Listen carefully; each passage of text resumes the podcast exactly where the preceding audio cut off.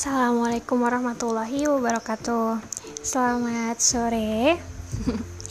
Jadi episode kali ini aku mau cerita tentang 20 ribu.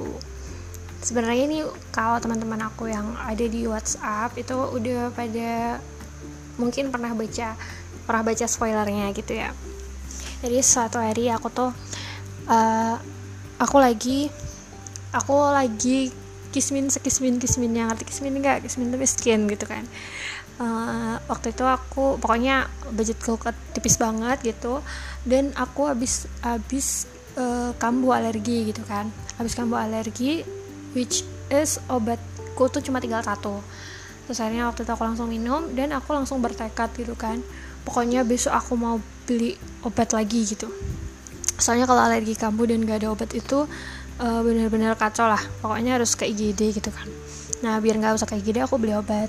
Terus besoknya aku bener aku bener aku pergi beli obat. Dan aku masih ada sisa berapa ribu rupiah gitu kan. Buat beli apa sih? Oh ya buat beli gula tepung gitu. Aku mau aku kayak gitu tapi karena lagi corona ya gula pasir sekarang harga 12.000 tuh jadi 17.000 gitu sekilonya. Dan kayak jarang gitu yang jual yang kemasan seperempat sama kemasan setengah kilo. Padahal aku tinggal sendiri gitu gula satu kilo tuh buat apa gitu kan? Mau diabetes apa gimana? Enggak juga. Gak penting. Skip soal masalah gula-gulaan itu. Nah terus aku di jalan itu ketemu sama oh nggak ketemu. Aku di jalan ngelihat di pinggir jalan ada bapak-bapak jual es kelapa muda gitu. Aku ingat banget ibuku dulu pernah bilang e, apa? Kalau sakit minum es kelapa muda. Bukan es kelapa muda kalau sakit minum air degan gitu kan biar racunnya hilang kayak gitu. Jadi kata orang-orang pun bilang katanya kalau keracunan uh, minum air kelapa gitu nah aku akhirnya langsung kayak keluar dari rencana awal aku pokoknya ya udahlah cukup nggak cukup duitnya pokoknya aku mau beli kelapa muda dulu air kelapa muda gitu. Terus aku beli tuh harganya empat ribu nah aku keluarin dompet kan mau keluarin uang empat ribu. Nah, terus tiba-tiba ada ibu-ibu muda umurnya 30 tahunan gitu datengin aku. Mukanya tuh datar aja gitu loh kayak mukanya datar aja. Terus nanya mbak ada 20 ribu gitu. Terus aku aku lagi buka dompet ya langsung kelihatan gitu loh. Oh ada gitu. Itu tuh karena aku habis dari ATM dia di UGM tuh ada ATM BNI pecah 20 ribu. Nah aku ambil dari situ gitu kan. Ada 20 ribuan. Terus kepikir ibu ini jualan juga di sebelah bapaknya jadi butuh uang kembalian mau tukar uang gitu kan. Terus si ibu tuh tahu-tahu bilang gini 20 ribu mbak mau periksa ke dokter sakit. Terus aku mikir hah kita kira itu kan uang gitu kan. Ternyata enggak ternyata ya gimana ya gitu. Waktu itu aku juga bingung gitu kan. Waduh waduh 20 ribu ini helai-helai terakhir aku gitu kan. Kalau langsung diminta 20 ribu itu kayak ikhlas nggak ikhlas ikhlas nggak ikhlas gitu. Terus aku kudu bayar kan juga gitu kan. Terus aku bilang apa namanya e, ntar ya bu kembaliannya kembaliannya nggak apa-apa ya gitu. Terus kata ibunya ya mbak seadanya aja gitu. Terus aku bayar kelapa muda sisa berapa belas ribu gitu terus gue kasihin sepuluh ribunya doang. Gue kasihin sepuluh ribunya doang gitu kan. Terus itu helai-helai terakhir oke. Okay. Masa aku aku juga waktu itu aku inget uh, ada temen aku bilang kamu tuh loh mbak pikiran gitu loh. Pikirin kebutuhanmu dulu gitu baru mikirin orang lain gitu kan. Terus aku mencoba untuk memikirkan kebutuhanku. Allah anggaplah berapa ribu tuh cukup lah gitu. Terus ibu ini butuh buat ke dokter karena ada yang sakit gitu kan. Dan aku akhirnya aku kasihin lah tuh. Terus aku di panjang jalan tuh aku mikir gitu kan. Ih aku nih ikhlas gak sih? Kalau nggak ikhlas mending tadi nggak usah aku kasihin gitu kan. Daripada daripada aku dosa ibunya makanya nggak enak gitu kan. Terus ikhlas enggak ikhlas enggak ikhlas enggak aku sepanjang sepanjang jalan tuh aku mikir ikhlas enggak ikhlas enggak gitu. Terus udahlah ikhlas aja gitu ya emang situasinya kayak gini sih. Uh, eh, COVID-19 membuat kita harus berusaha lebih gitu kan harus berjuang gitu.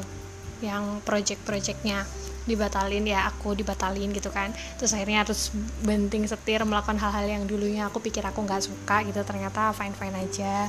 Terus uh, ada yang kerja lepas terus shiftnya dikurangin kayak gitu. Sampai akhirnya pun membuat keadaan semiris itu gitu. Ibu-ibu umur 30 tahunan kayak udah nggak bisa mungkin buat dia udah nggak ada cara lain gitu kan buat membuat berobat karena ada yang sakit gitu. Gak ada cara lain gitu selain uh, minta tolong ke orang yang ada di jalanan kayak gitu kan. Itu kalau misal situasinya bukan covid-19 gitu mungkin aku bakalan ngomel gitu kan. Ibu nih masih muda mau kerja gimana gimana gimana gitu kan. Itu mungkin gitu tapi nggak semua orang di situasi sekarang ini punya uh, kesempatan punya input punya peluang punya fasilitas gitu untuk bertahan di situasi yang sulit seperti ini gitu. Itu. Jadi waktu itu aku udahlah ki. Udah udah di kelasin aja gitu ya, ya harus ikhlas ya. Ikhlas lah. Udahlah ikhlas aja gitu kan. Udah fix ikhlas nih. Ikhlas ikhlas. Diriku sendiri bertanya dan menjawab gitu. Ya ikhlas ikhlas. Fix ikhlas ki lupakan gitu kan. Ya oke okay, aku lupain gitu. Terus tapi aku tuh mikir gitu. Eh jangan-jangan gitu kan. Jangan-jangan tuh sebenarnya tuh banyak banget orang yang kayak ibu ini gitu. Ya emang nggak jangan-jangan. Ya emang iya gitu. Banyak yang sulit gitu kan. Terus aku share lah itu di WhatsApp cuma sampai di bagian apa namanya? Cuma sampai di bagian oh mau ke dokter mbak sakit gitu. Lanjutannya nggak aku cerita ini yang sampai sepanjang ini nggak aku ceritain. Terus so suddenly gitu kan mbak aku muncul lah itu. Dia balas wa ke aku. Kok kamu suka sering banget sih dipalak orang di jalan gitu kan? Emang ya emang ya itu emang kejadian gitu. Terus aku bilang terus aku balas gitu. Ya gimana ya kayak kalau nggak setiap setahun sekali aku dipalak tuh kayak nggak ridho gitu orang-orang tuh gitu kan. Aku bilang kayak gitu. Kata saya tuh si mbakku bilang gini apa iya kamu tuh harus dipalak dulu biar sedekah gitu kan. Wah terus aku kayak ketawa gitu. Apa iya gitu ya? Apa iya sih? Apa iya sih aku harus dipalak gitu kan. Emang jalan sedekahku tuh lewat pemalakan gitu kan. Ya pemalakan tanda kutip ya bukan aku nggak menganggap ibunya malak gitu tapi emang ya emang ya itu sering banget gitu kejadian kayak gitu sering banget. Ya sekali dua kali gitu. Ya itu udah kejadian nanti aku ceritain di tempat lain gitu kan. Di waktu yang lain kesempatan yang lain. Nah terus itu ada satu teman gitu balas apa terus akhirnya dikasih nggak ki? Gitu kan. Terus aku bilang lah emang harusnya dikasih atau enggak gitu. Terus si teman aku bilang gini e, aku mau jawaban yang nggak retoris gitu ya. Aku mau jawaban yang apa namanya yang uh, objektif dan subjektif. Pokoknya uh, gimana itu jawaban perorangan beda dia bilang kayak gitu. Terus aku bilang uh, ya aku kasihin tapi nggak banyak. Aku bilang gitu. Terus soalnya kalau soalnya kalau lagi adep-adepan sama orang gitu aku tuh kayak kalau ada yang minta tolong tuh jadi panik gitu loh ngerti gak sih jadi kayak ngeblank gitu. Awalnya tadi aku mau beli tepung terigu beli gula beli ini beli ini tuh terus hilang gitu kan. Ya kalau aku cuma aku loh yang bisa nolong gitu. Kayak rasanya tuh kayak gitu. Masa ya sih aku nggak nolongin ibu ini kayak gitu. Jadi kayak gitulah. Jadi kalau makanya itu kenapa aku tuh selalu kalau ketemu orang di jalan dan dipalak dipalak tanda kutip yang kata mbakku itu aku tuh selalu nggak bisa buat bilang nggak nggak mau maaf sorry nggak ada kayak gitu tuh kayak nggak bisa gitu bahkan itu cuma nggak ada yang lah lupain aja. Ya gitu deh pokoknya. Gitu ya. Nah terus saya itu ada lagi yang balas gitu. Apa uh, terus diminta gitu aja deh gitu. Abis itu iya mbak gitu. Ya gimana ya? Emang situasinya sulit. Lagi gimana ya? Orang mau dipakai ke dokter kok gitu kan. Terus abis itu si mbak langsung bilang gini rekeningmu mana? Rekeningmu mana? Oh, uh, mau minta rekeningmu deh gitu. Mbak mau kasih kamu tapi nggak banyak gitu. Apa namanya maaf ya gitu. Terus aku pikir ah lah ngapain ngapain mbak mbak ngasih aku gitu kan. Habis itu mbak bilang apa namanya nggak apa-apa.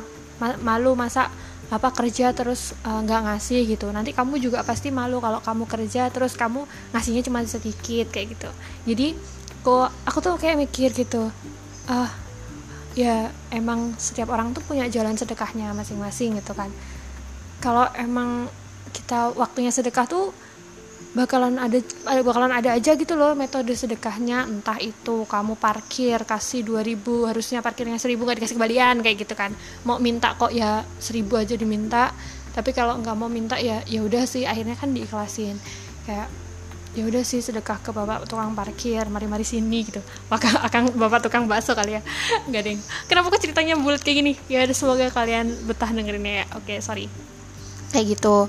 Mungkin melalui pak parkir terus mungkin melalui dipalak kayak aku.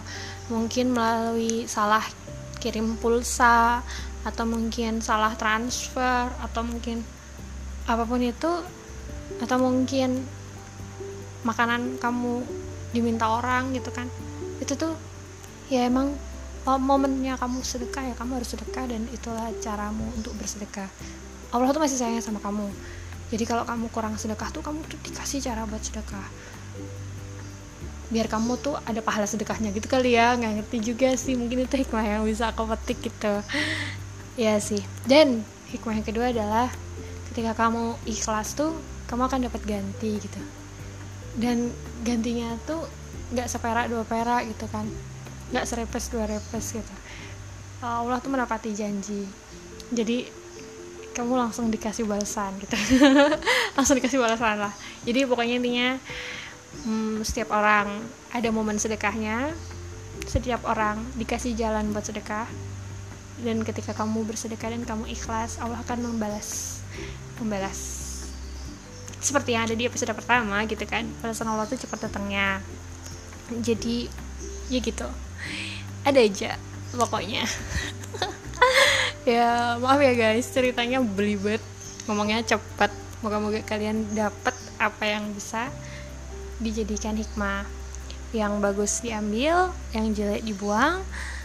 Yuk belajar bareng dari berjalan berlari merenung saat berkendara kita harus mendengar, mengamati, dan merasakan.